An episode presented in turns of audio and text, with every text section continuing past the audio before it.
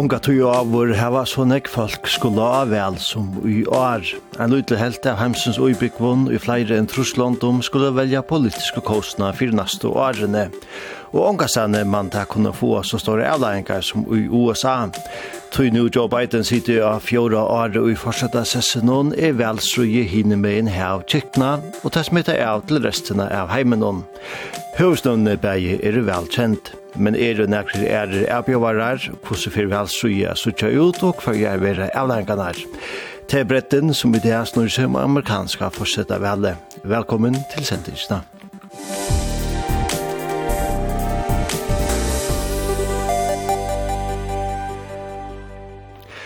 Hóast talan er om møvleikana at velevne til kanska mest måttmikla sessin og i heimenon, så hever vel så i hia til vire og vanliga tamt. Ikke tant at han hatt at jeg ikke har nekva tås om, det har ikke skorsta opp evner, men tant tog at ånden ivi tidsis være om hva jeg fortsetter vel evnene vera. Om vi byrja av demokratiske sugene, så er støvan ikke vanlig. Joseph Joseph Robinette Biden Jr., etla Joe Biden som han er bedre kjentor, er som sidande forsetten, tan at han 46. i ræfylkjene, stor favoritt til at jes velevne til demokraten. Nå er ikke fagfolk kava just en rønt av koppa sidande forsetten noen de som har skapt mest om seg er Robert F. Kennedy Jr., Marianne Williamson og Dean Phillips. Jeg har tæmmet trimon er bare Dean Phillips en pastor av velsynen. Robert F. Kennedy gav skarven iver åren undervelen i Byrjavo, og Marianne Williamson kastet i hankla i urintjen og færne viko. Ta i 3% av etkøvnum i undervelen. Så startet 55 år gamle Dean Phillips, ombudsmannet tinglimmer i Minnesota, eneste alternativ til Joe Biden. Undertøkken er tog ikke nægge reipa av, og i skrivande stund hever han finnes 6,9% av etkøvnen, medan Joe Biden hever finnes 3,5%. Veljakanningarna er helt ikke hoa li lesna over ta ombossmanna ting limenon, sambarsteimon fer han bæra stovul fra 3,8% av veljarnon. Og i republikanska undervelden er støva nækka tan sama. Fyrvendig forsetten Donald John Trump hever hia til vunnet en stor syr fire og annan etter i undervelden med en motvalevne så lojande djeva skarven iver. 13 var høstvalevnene som boar fra oppstilling, 2 i retter. Donald Trump og 2 åra gamla Nikki Haley. Nikki Haley er fyrvendig guvernører i Sue Carolina og ombudsmann og tinglimmer for samme stat. Kanskje særlig er hun kjent for henne tog som amerikansk sentefall til ST, SS som Trump valgte henne ui. Samvars heimasyn er realclearpolitics.com som samler velja kanningar er tål ute som rødgjørs fire at Nikki Haley megnar at gjerne nekran vörr. Kanningar vise at Trump fast ovul fra 44,4% av veljarna, men Haley fast ovul fra 16,9%. Så startet er nek som bender og at här bare er spurning om tog, og er en heilig matje etter saman som mitt landa rundt i Santis, Asa Hutchinson, Chris Christie, Tim Scott, Mike Pence og ærer, og Jeva skarven iver. Vi okkom og utavstående har vi nu vi med kjenner Brynhild Thomsen og Tora Hørgaard som fylgjer vel vi og tog som røres i USA. Vi tverra neste løtene vi gjør fyra evne som har vi fortsätter å gjøre man løter for vi tar sånt her på Trump og Biden, så får vi der hitje etter hver evne for at mindre velsøye og hver ringvirkninger vel kan heva for resten av heimen, men vi byrjar vi til mest opplagda under stand og i løtene. Tar hvis vi spyrir til hever nekkar, annar nekkar hans møte Biden og Trump? Nei. Uh, ta altså umiddelbart vil jeg sagt, det var det ikke. Men uh, tar det sagt, så hever dette vel uh, kanskje noen underlige element som, som vel typisk ikke hava. Um, aldrin til Biden og hans er åpenbart uh, svujande minne eh, begynner å fytla mer og mer. Eh, jeg halde ikke at man ender her at man seriøst omhoksar också har han ut, men, men det kan komme til det. Eh, og så er det alle rätta rattarskjerstene som, som Donald Trump har hengat om han i seg. Man var ikke ordentlig hvordan det ender og kom veta gonger. Så Nei, jeg halde ikke noen annen her en chans, men hinvein, altså, man, man var ikke knappt jag kan man ser komma till rätta. Allt det som är särskilt vi hesson väl og det er, og det er, det er ikke en spurninger om å være aldersdiskriminerende, at man sier da vi tar tvei forsida velevne, som, som tas er til, som er uh, edle gommel. Trump er bara fyra år yngre enn en Biden, og uh, det kan hända nekt om man er 28 for 8 for nu for 4, 1 for 2, altså det er, uh, man vet ikke helt hvordan det kan genga, men uh, hvis du hikker etter tølen, så er det ikke chanser til noen øren. Og her er ære forringer reisende. Um, det er ikke sjøys at ungen ui tui demokratiske kampanjene, eller tui demokratiske uh, berglanden, ikke konstant huksar om det her reisende. Hver annar kan...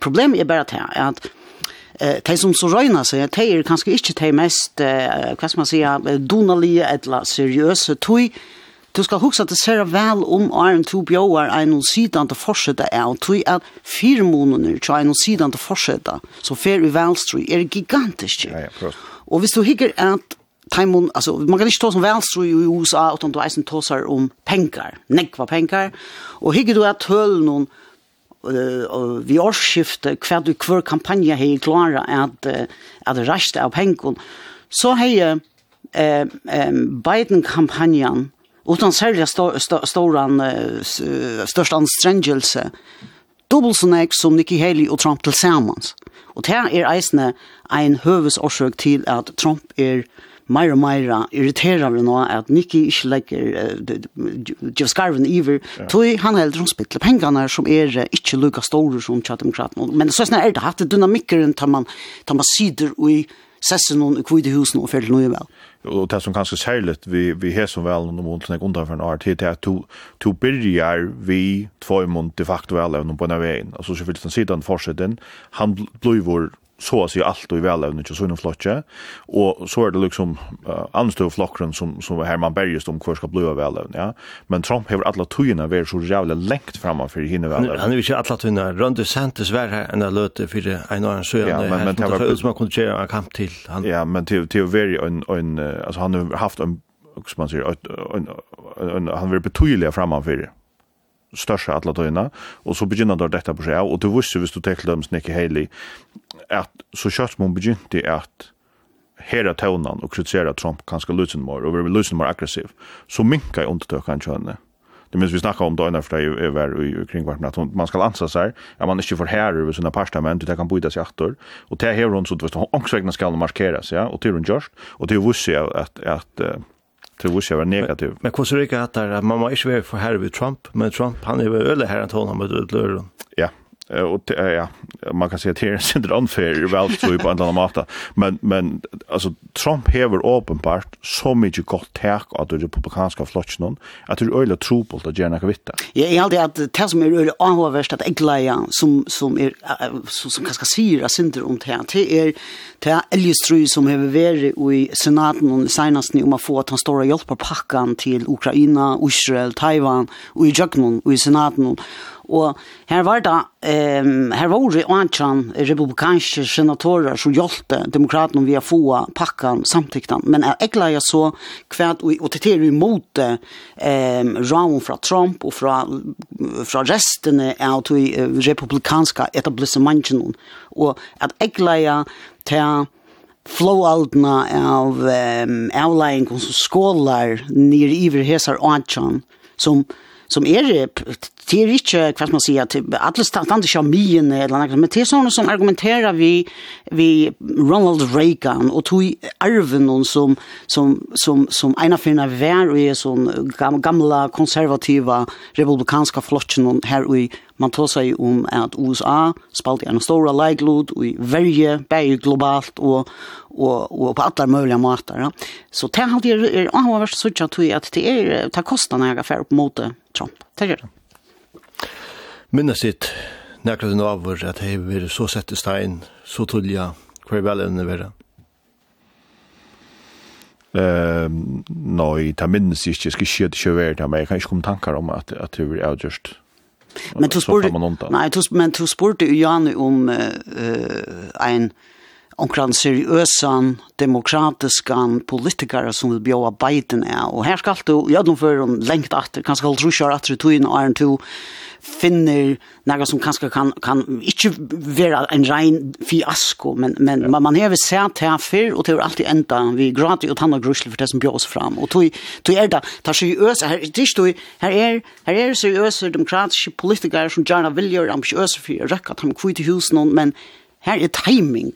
Her er ja, ja. timing alt å si, og jeg færre at jeg legger det nå vi er noen at tempa imot Biden, til et annet uh, egentlig her i reisen at, at uh, det stendte så jant i middelen Biden og Trump, at du skal huske det vel om Arne Ferst inn og kanskje gjør han en veigar, Biden ja. en veigar via bjørn og nå. Ja. Ta, ta tar man ikke. Du, hvis man er, hvis man er en ambitiøs politiker, uh, annakvart i republikanska flosjen, etla og i demokratiska flosjen, tar du hevor noen velevner som er, altså, så grått er du fremst, uh, så krymper man seg nok ved å gjøre forsøk, tog jeg, det kan godt være du hever bare åt skåtbyrsene. Og hvis alt man har fortsatt, så er det ikke spillet det skåt jo på uh, underkapping her, og det er mordlemmen er givet på forhånd. Ja, du vil ha klinskitt, tid tar du bjöd fram yeah. och och ta vi nästa fyra så ja, till nästa fortsätta väl ta ta rockni vi för att söka mer skönligt seriösa ambitiösa demokratiska politiker som för bjöd fram men inte bara nu. Nej och det tror det tror på det att alltså vissa alltså andra av dem vinner och hade och tan vi kommer att så helt säkert inte till väl nästa fyra och tar bara så mycket gamla att det nog oss handlukt att nära av dem ställer upp att nästa fyra och tog ju värda tar så vill ju pula uppe tar det första väl att nästa. Men vi alltid någon är um, avverst, tror at uh, Nikki Haley, hon have you um, eh hon have you i lenga tui kraft af få en kognitivan test ta i politikarar så snar som heilt blua 5 år. Det er jo tett blua vi akkurat, hon, Ehm hon palsade ju så själva som en en en en unga vital livskraftiga kvinna att motor som gamla olding någon så läs. Men det som är intressant här är ni att hitcha kvar helter ta am kanske väljaren. Och am kanske väljaren är storen om tar alter. Mm. Och ehm så kan man säga att by nu är det ju Biden som ständ för skott och tog att USA rapporten att det sälja eh, kanningarstjåren som er, er kommet, som annars frykjent han for at det har gjort, i minst som man leier som republikaner lødde han under, at det er en særlig akherren hever hese åringene at at Biden er en velmeinande gammal maver vi ringon minni, ja, og det er lukka som ruddar alle forsvinner, så. Ja. men det er kanningarna som man hever gjørst, ja, hva amerikaner halda. Her er det annar kvar veljare, republikanske veljare, som er benge for at Trump er for gammal. At, det er et, altså annar kvör, men det er en 70 prosent av dem som, som, som vi har spurt, som, som er demokrater som atla, at, at, kanskje omoksa velja Biden. Så det er et, et øyelig størst, det fyller nek for de amerikanska veljaren at det er så gamle. Det fyller nek tja taimann, og her i Europa, eller her i Førjum, eller her er vi lintet til at skri okkur sindu høttu, hugsa hva kong fyrir seg er ivrig tam, tvær så, i alt du brukt året, etle gamle menn stilla opp, hever man ongan anna som kan stilla opp. Hva er det i strukturen om demokratflasjonen og i republikanskflasjonen som gjør at man enda ut i støvene at ongen anna kan bjóa hispaun av? Ehm um, alltså strukturen alltså systemet jag de är övervisning på att han att att uh, alltså man, man han etablerar eliten i en flotch och bestämmer nog så längt henne vägen kvart är som ställer upp.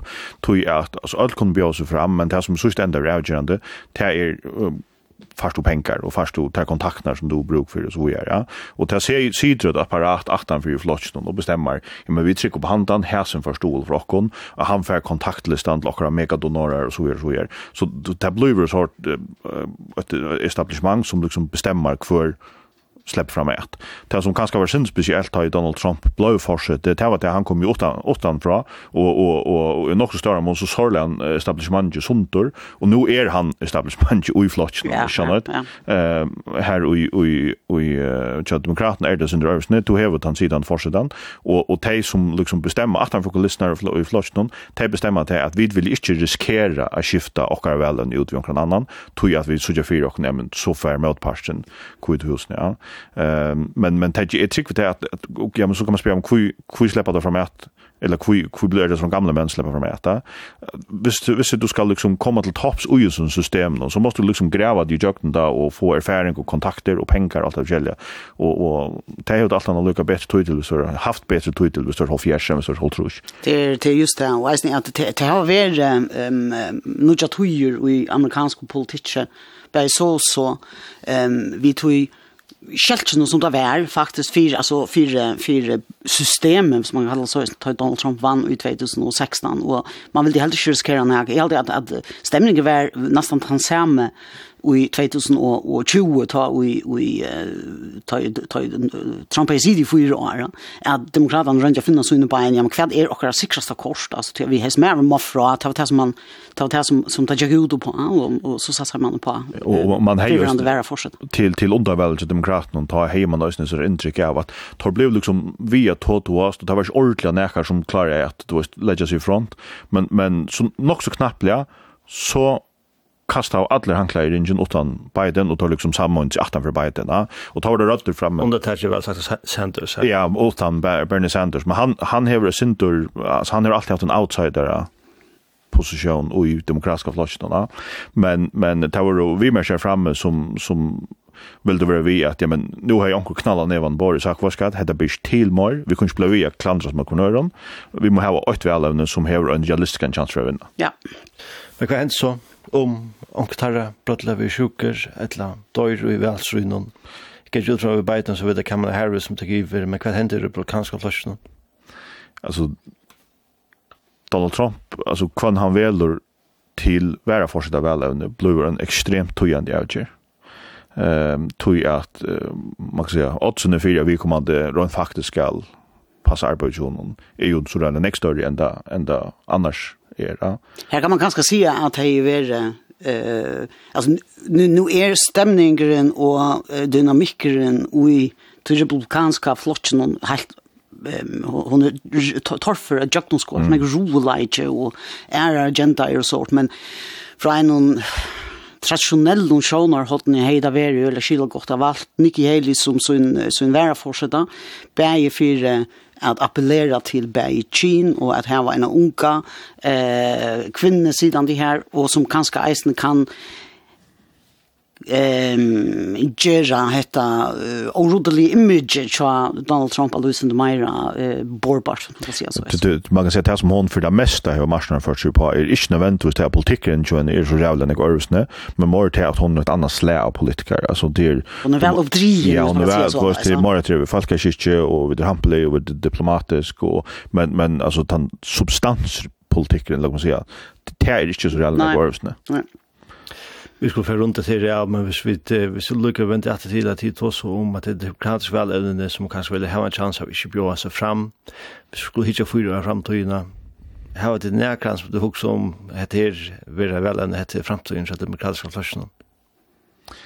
Nei, ikke så snar omiddelbart eh ikke inte på standardfelt. Inte på standardfelt. Jag holder att att så ska man här har vi så inte lust. Alltså så ska du faktiskt ta senter inn i kulissene och här har vi ju svär. Här har vi svär. Hur du ikke research ta eh Jo, jeg fyllt vel vi, men akkurat det kommer til forsvaret evne, det är ofte en tegn tendens til å komme og søste løtt. Men du, du så teker for eksempel? Ikke det, altså Barack Obama kom och korset, da han helt røv ut i samband med nominasjonene av eh Först hade väl en McNay som Ja, och, och han han har egentligen en en man säger kometkarriär här när sagt att han han han kom ju åt den stora paddeln blev aldrig så natte och jag har ju gång lever så den första väl ska vara där i så natten. Halt inte halt inte nej. Jag har visst det men men det kan gott för du häver omkrans hornan som vi ikke vet om til at vi kommer til å ikke finne nærkere særlig oppmerksomhet, men som det skjer, hva skal hæsen rikka vel? Det er jo egentlig det som, som hender ved Obama,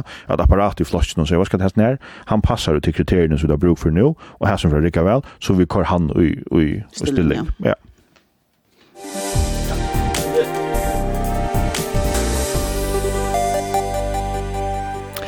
Velevne tatt tids så greit at her være Joe Biden og Donald Trump som en ene affær skulle dissa som at kvar de men det er matt mikla sessen men kvar er det så tar bajer i demokratiske har vi så sidan fortsette anta en fors ara kan det Joe Biden som har en trikva politiska islai Han tok først fyrir sæt amerikansk senat noen 3. januar 1934 fyrir amerikanska staten Delaware.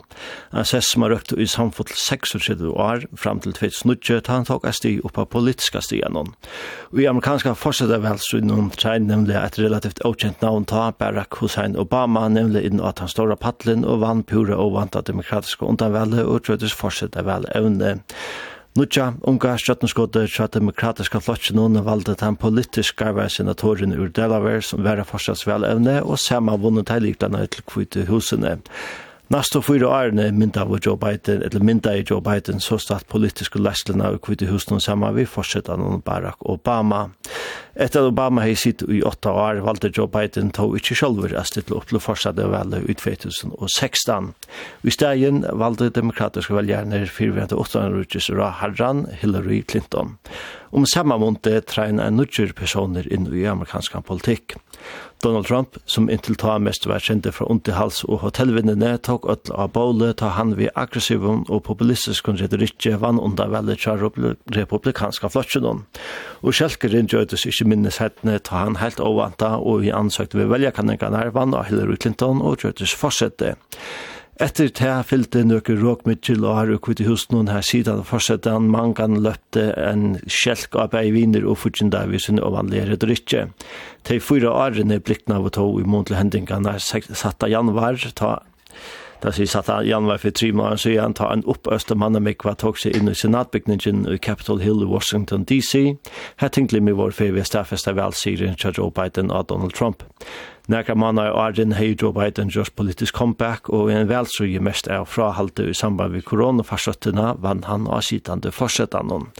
Velkvölde Scholt gjøres to et av de mest spennende i lang langre tog, og takk ikke flere dier og en enda lev all urslitte var greit.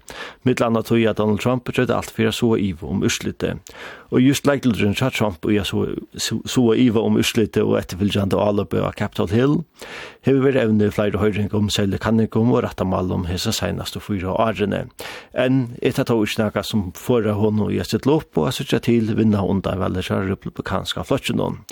Amerikanska fortsatte veldig vel vi så stått i stora mån en entetøk av senast av fortsette vel. Om utslutte vi ta samme tåret tå neva nækar a sige nækar om enn og om høgt og høgt vi etter velja kan ikke noen er ta øyliga tatt. Og i samme tellingen noen tja Real Clear Politics fær Trump 45% av atkronen, medan Biden fær 34,9%. Ta så høgt vi etter møleika noen her flere smarre velevner er vi, de er Robert Kennedy, Cornel West og Jill Stein, styrkjestøvant av Trump. Trump. Og i en slukka støv fer han 41,6% av atkvøvnun, Biden fer 36,8% og fyrvende demokratiske velevne Robert Kennedy Jr. fer 13%. Om vi bygger her på en og vi færre først kom at til 2000, ta George W. Bush og Al Gore, støtte som har gjort fortsatte velevne, ta heimann at tre velevne inne i eisne Ralph Nader. Ralph Nader. Oftan ver det här skottet hon ska kvar när haft nöjt att vi ska hanstla upp så hej Algor vunnit här väl kan ta samma Gerard sig galdande i Arvis Robert Kennedy Jr. held fast i at han stille opp som åttanveltaver. Det som er, det som er nok spesielt ved Robert Kennedy Jr. er at han er synder uh, uh, kontroversiella meninger, eller han er, han er ikke en mainstream kandidat i forstand. Han har holdningar om forskjelligt som ikke eh passar så jävla väl in i i eh den demokratiska flocken för exempel kan jag säga. Han han är vår han är gosse så lagt under att ha konspirationsteorier om forskjelligt. Men det gosse så är så ehm att det kanske inte är så akkurat kvar det är som hej hej valt han. Alltså det är nog väl det som också inte passa in eller som inte är øyne vi eh tog etablera ja. Jag vet inte om det er republikanerna eller demokraterna. Men man ser ju att alltså ser eh åtta flockar välevne som som ställer upp allt jag till. Det är typiskt stjäla mer från demokraterna än det stjäla från republikanerna. Och då är det något större problem för Biden än för Trump. Ja, visst mittellandet han ställer upp.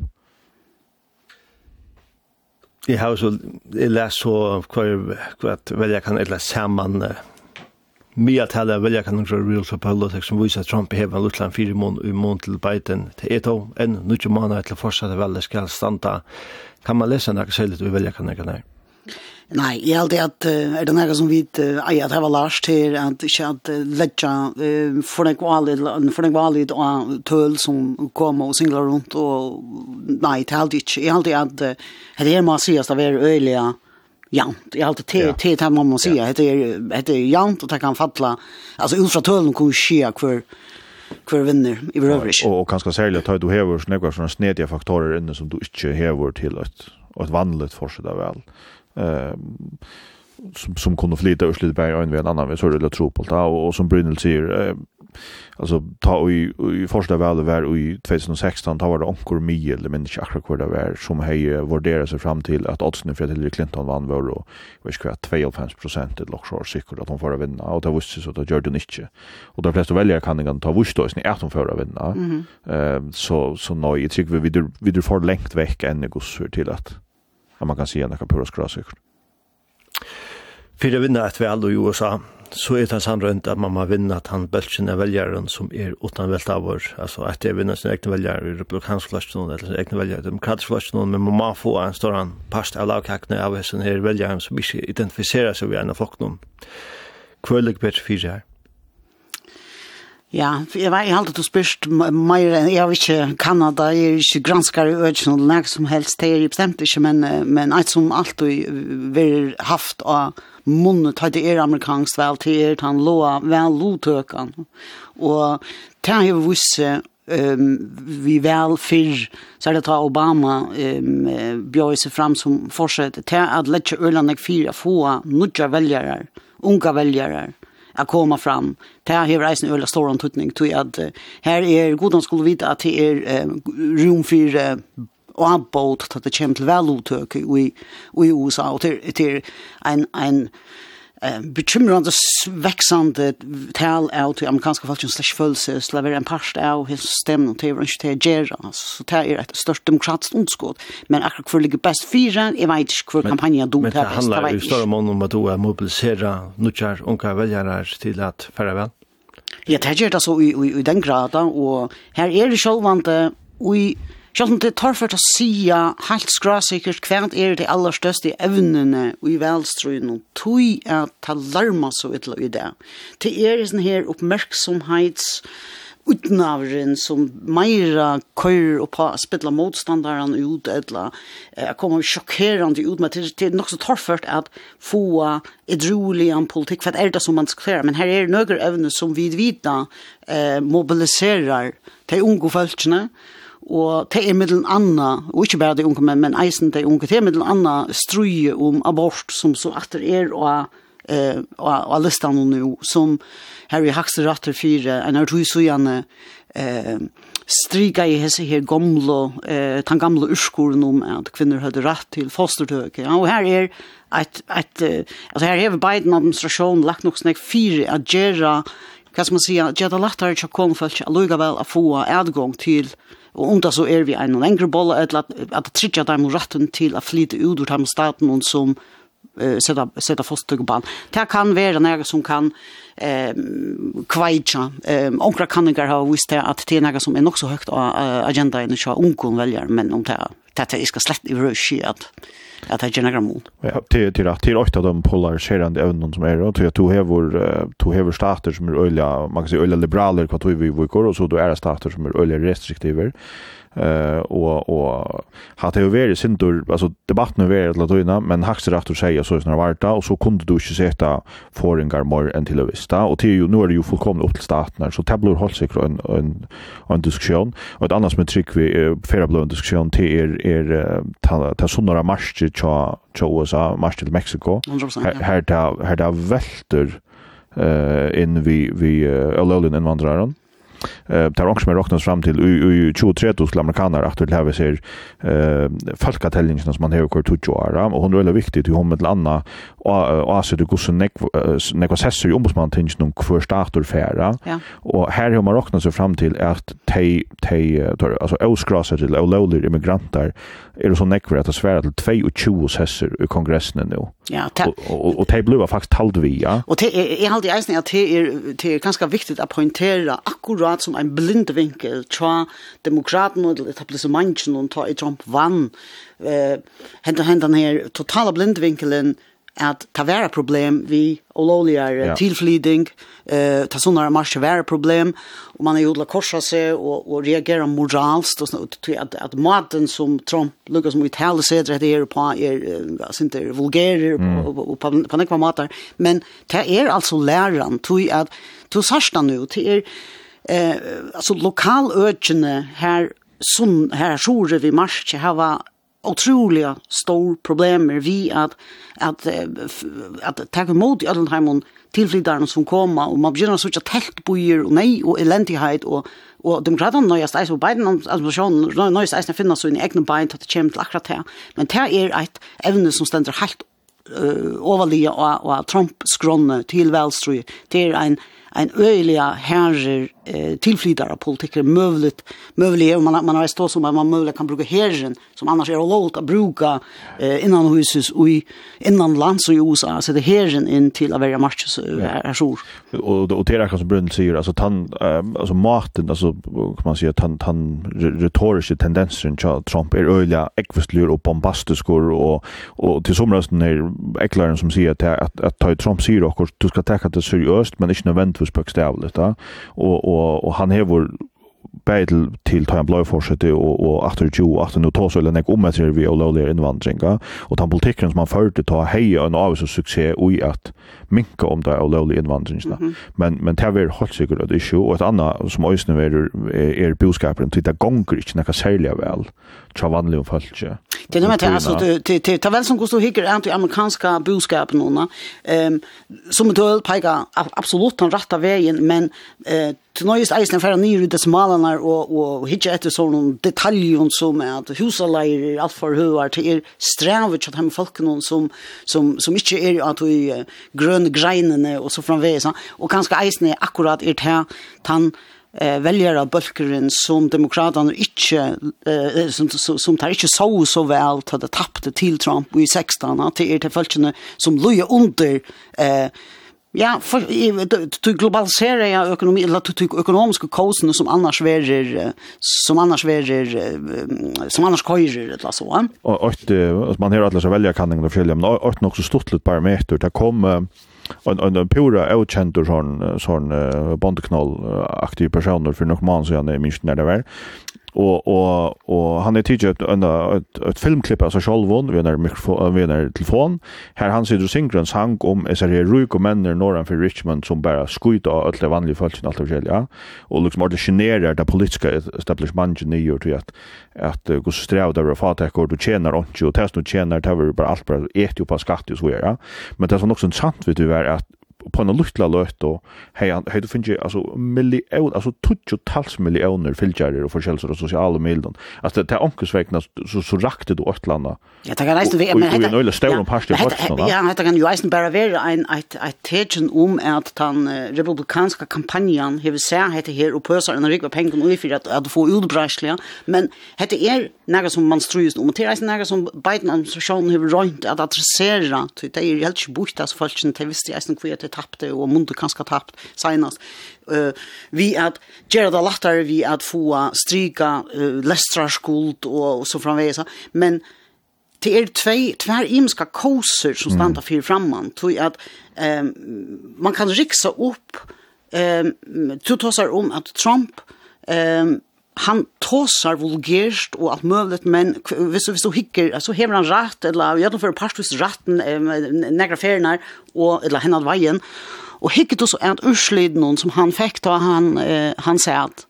Så er det ting som han fikk eh, bøtt om i amer, fyra amerikanske väljare. Jeg, jeg vil sagt at hvis man, hvis man var republikansk väljare Och så sorterar man sig allt stöje och skandaler därifrån. Så har du en avsam hon finns näka fyra pengar där. Så två finns en hackstare som som som kolldömde Rovers och Sverige då då näkva sån ting någon som republikanerna gänger på har du ju en avsam hon faktiskt finns ja. Ja men här är några flowbine men så så visst du hickar att eh du som Biden administrationen nu har showset.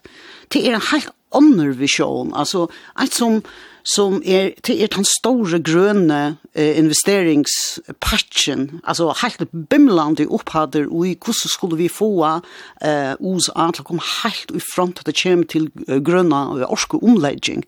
Og der eh, ristingene av tog samtikken, det kommer helt til Europa, altså eh, Jeg les en grein om at norska stjøttenen hever pøsa en rikve av pengen i et gigantisk menningarprosjekt, og akkurat her som øyne noen, gos kunne vi du norra eh, gjør okken galdande i et lokal øde uh, og i må halt at han kommunen eiter som eisen i strus vi frafliding og så framvik hvordan vi dreja til okken utbundne arbeidsmei og skapa folkavøkster og alt mulig og samstundes gjør okken galdande Og det er en, en stor verksmia som skulle gjøre batterier ble bygd, og, og, og vi nekvån allmenn om studningskronen, og, og vi tog løte at eh, patchen, den grønne patchen fra Biden ble samtidig, Ja, men så demonterer man hese her, eller ikke man tog av nye, men man flytter simpelthen hese verksmina til USA, tog at du var så store skattefirmoner mm. og alt mulig. Så at, at men, men, men, og, og, og, og henta verksmina, hun var så flott, Og i rustbelte, her som de struer seg, så følelsene som er lukket som en, en, en slags tjattende veljere til Trump,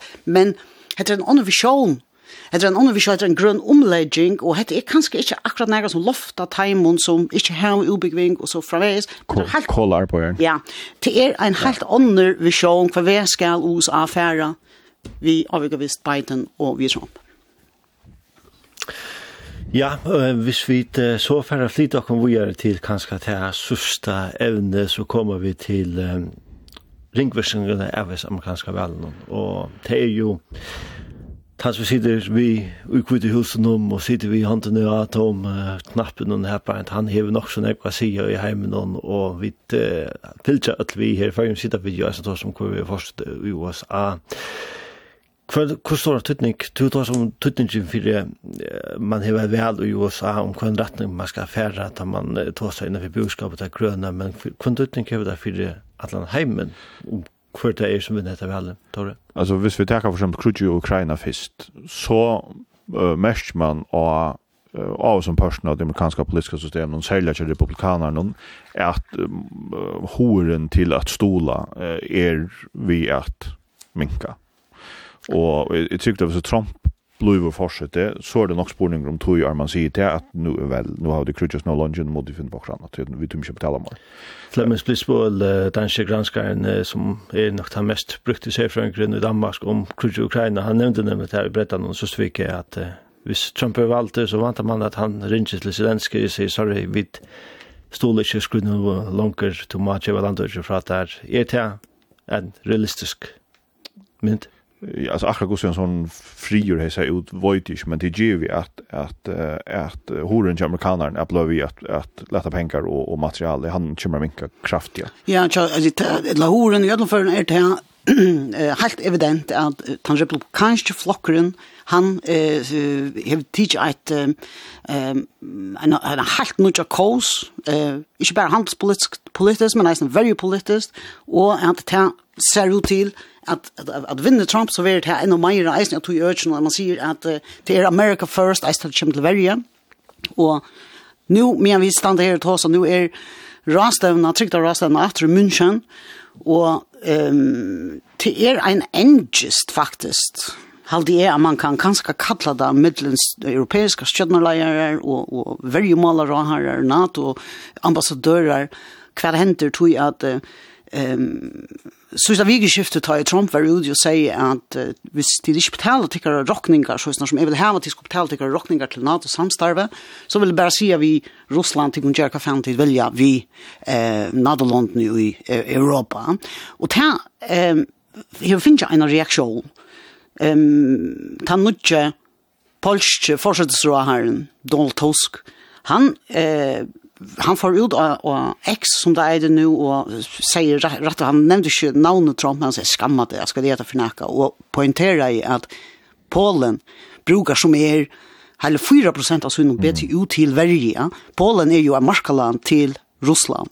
Ehm um, Olof Scholz, den tyske samveldskansleren, han har eisen vært ute og sagt, ja, men altså, hette ganger, altså, hette her, hette musketereieren i NATO, öll fyrir ein og alle fyrir, öll fyrir ein og ein fyrir öll, han skal være galdande, og man tar seg om at underminera, underminera autoriteten til NATO i to situasjoner som vi er i nu, altså gosse, gosse, abordalest det er. Men her er det eisen det er. Så sier abordalest, men hva henter hvis Hva hendte hvis uh, Trump kommer til? Ja, men jeg vet ikke... Hva er skrevet ned først? Hva er det for stømme det her? Ja, men altså, Europa, vi, vi burde nok haft lasta fyrir nekvun åren så gjerne av ballet i livet, at vi ikke kunne bare genga rundt og huksa stora tankar og drekka cocktails. Vi var reisende nødt til at uh, spyta alvorligt i verjekassan tja Europa sjálf. Og vi sier ikke at mobilisering er langt, eller dumping er langt, komin og agendaina i Europa. Her vi sutja, eller leierne i Europa sutja til at vi må være meira før for å være okken sjolv, vi kan ikke ståle på at amerikanerne gjør det. Vi er for ikke hvis, hvis Trump kommer til. Nei, men dette er, er jo framalt at du er trygt som er verre, tror at amerikanere har vært onökt om att europeer som hållt brukar för lite eh, av pengar förhållsvis på sina värde att man också vägen hever liksom bara man blir utlisterat till amerikaner och tar bruka och så andra pengar och, och vi brukar för lite och och och man då kanske omgått så härliga uttalsätt som det Trump det och nu blir det så uppfattar man ser mera kraftiga uttalelse. Och jag har inte vi är alltså det man vill 23 vi har så gärna är vi hörst eller lise några som helst om det europeiska chatnorska vapna arsenalen till bättre det är så dejligt det är så frialigt och läcker i Europa men nu har man åter Ja, kvar er okkara tjadnorsk, hva er jo i Fragland, kvar vi i Bretland, kunne vi få Bretland innatter og i ES, kunne vi gjøre näka. Olaf Scholz, han klippte en reian snor for någon døgn så til en lower fabrikk i Tyskland. Tyskland, Tyskland leie jo en totalt nudjan beg for at det kom til, til, til verje, ta, og, og russarne gjør det, hese, fotlig invasjonen i, i Ukraina tog at Tyskland så vill jag säga här väldigt pacifistiskt kan man säga men men det är inte långt men så samstundes så kommer reaksjoner, inte fra toppen i USA, men eisene langt, nekk langt nirri, eisene fra Vimmerskjæren, om at it's too little too late, Olof Schulz, at gjerra en lower fabrik, ta, ta skal meira til enn ta, og själva det gjer Tyskland eisene meira enn ta, men, men, men råber man til at uh, bruka mer pengar på sin egen vei. Og, og til vi åtta, åtta kritikkpunkten på den veien ta i Krutju Ukraina uh, byrja i och och och man begynte inte engasjere seg vi man man selde vapen og utgjør og pengar så vi är att ena troblökna var att att Europa som hållt for det här var troblökar vi långt ner bara att producera några granater och tanks och allt det forskjellige som skall bruka tog att man hever inte rätta som en boskap han veien og så reella det går. Här russerne liksom har vi crutch out till og er gira till at crutchas da. Um, men men det kunne slett være kom tankar om tid att under så för siden om om om några om några dansk vergeskip som ett kanoner som inte fungerar i Aravus. Och, och så har man hotlat träckas in på smulebanden till att alltså så har kroppskip vid en kanon som är defekt alltså man säger så nytt att snäck va? Och och ta sig kanske lut syndrom men den där last fair holding som man haft dem där först vi det fortælla ja? Och och det eller är så i alla för en boskapren som kommer. Och isen som är kommen från USA och hon säger om till Trump eller om till någon annan som sitter Obama säger det ju isen ja att vi måste ta samman. Och då vi att här är här som man diskuterar nu i München och vi tror att och räkna älsklig luck med över isen vi tänker det. Och jag har känt en utsögn om och här han säger at vi må standa saman i NATO og Det er nu jag vi ska bruka mer pengar och på att välja och kon Ja, Och man hvis man snackar med den musketer och in alltså man vill inte alltså han partner snack forstand på det och Claude John Lutker, som har mer forstand på det men men jag svärst vet meg, at hvis det er kom skarpskingar er man ikke, Och man sier, helta. Ja, det har vi det har vi sannelig eisne og det som vi aldri tås om. Det er man ser oansett restriction. Og det som vi aldri tås om ehm som vi ganska borde ta oss at lösa mer om onkel då det är inte bara hur stor tydning USA har för Europa men hvordan står en tøtning har Europa för USA alltså den demokratiske eh Vesterheimeren som inte är USA här har vi noen tøtning för USA alltså så om det har vi til. men bare det alltså amerikanerne är så rydger, och här har sånne vapen och här har så store muskler det kommer til det här Bare det han sanjingen av vapnapakkan eller hjelparpakkan som har vært i USA senaste uh. Det er just her at eh alla gönslnar faktiskt i Europa är det tomar där är sändar till Ukraina och i Ukraina rationerar man så lower och man är man går runt vi vi laktask nu att vi allt showa vapna marknaden och rönna chepa och också desperat så det är stora outliningar vis eh vis stolen inte kommer ur men men men Europa ehm det för mig alltså ES fick ju banka Viktor Orban i Ungarn och på plats så snar om man fick samtidigt han den hjälpa packan så skulle komma i Nekvar kvar jag någon jag ES till Ukraina. Det det tutning så jävla stor tutning för Europa att att Ukraina russarna inte får Ukraina. Men men hvis man så tänker her som det mest det här alltså den stövan som är i Israel og Palestina og tryck vi ikke över så jävla när går usna. Tui at uh, alltså ju kanske demokraterna är det synte mer återhållande och åter för kulisserna ser vi israelerna nu det kanske lyckas slapp sin dra Men men det tryck vi ikke stolen til Israel ut ur konflikten som er nu bröt så jävla Nei, men men här kan man nästan se att um, alltså en par, en parster er til stora 8,5 millioner uh, milliarder, 8,5 milliarder, 8,5 milliarder dollar er som hjelper på Og her er holdt trus av teimen er til Ukraina, medan eh en par stor part er til Israel som eisne republikaner sier nei til skulle ikke til skulle ikke at gå for snert vi skal skil på okkara eh, vi skifter vi marsch til til Mexico vi vil ikke ha det da så at eh allt kan hända at det er sånne disruptivar tøyer vi liv og vi vet ikke hva vi tar for Brynil Thomsen og Tor Høgert, takk for at du kom inn i brettan, Håkon. Selv takk. Selv takk.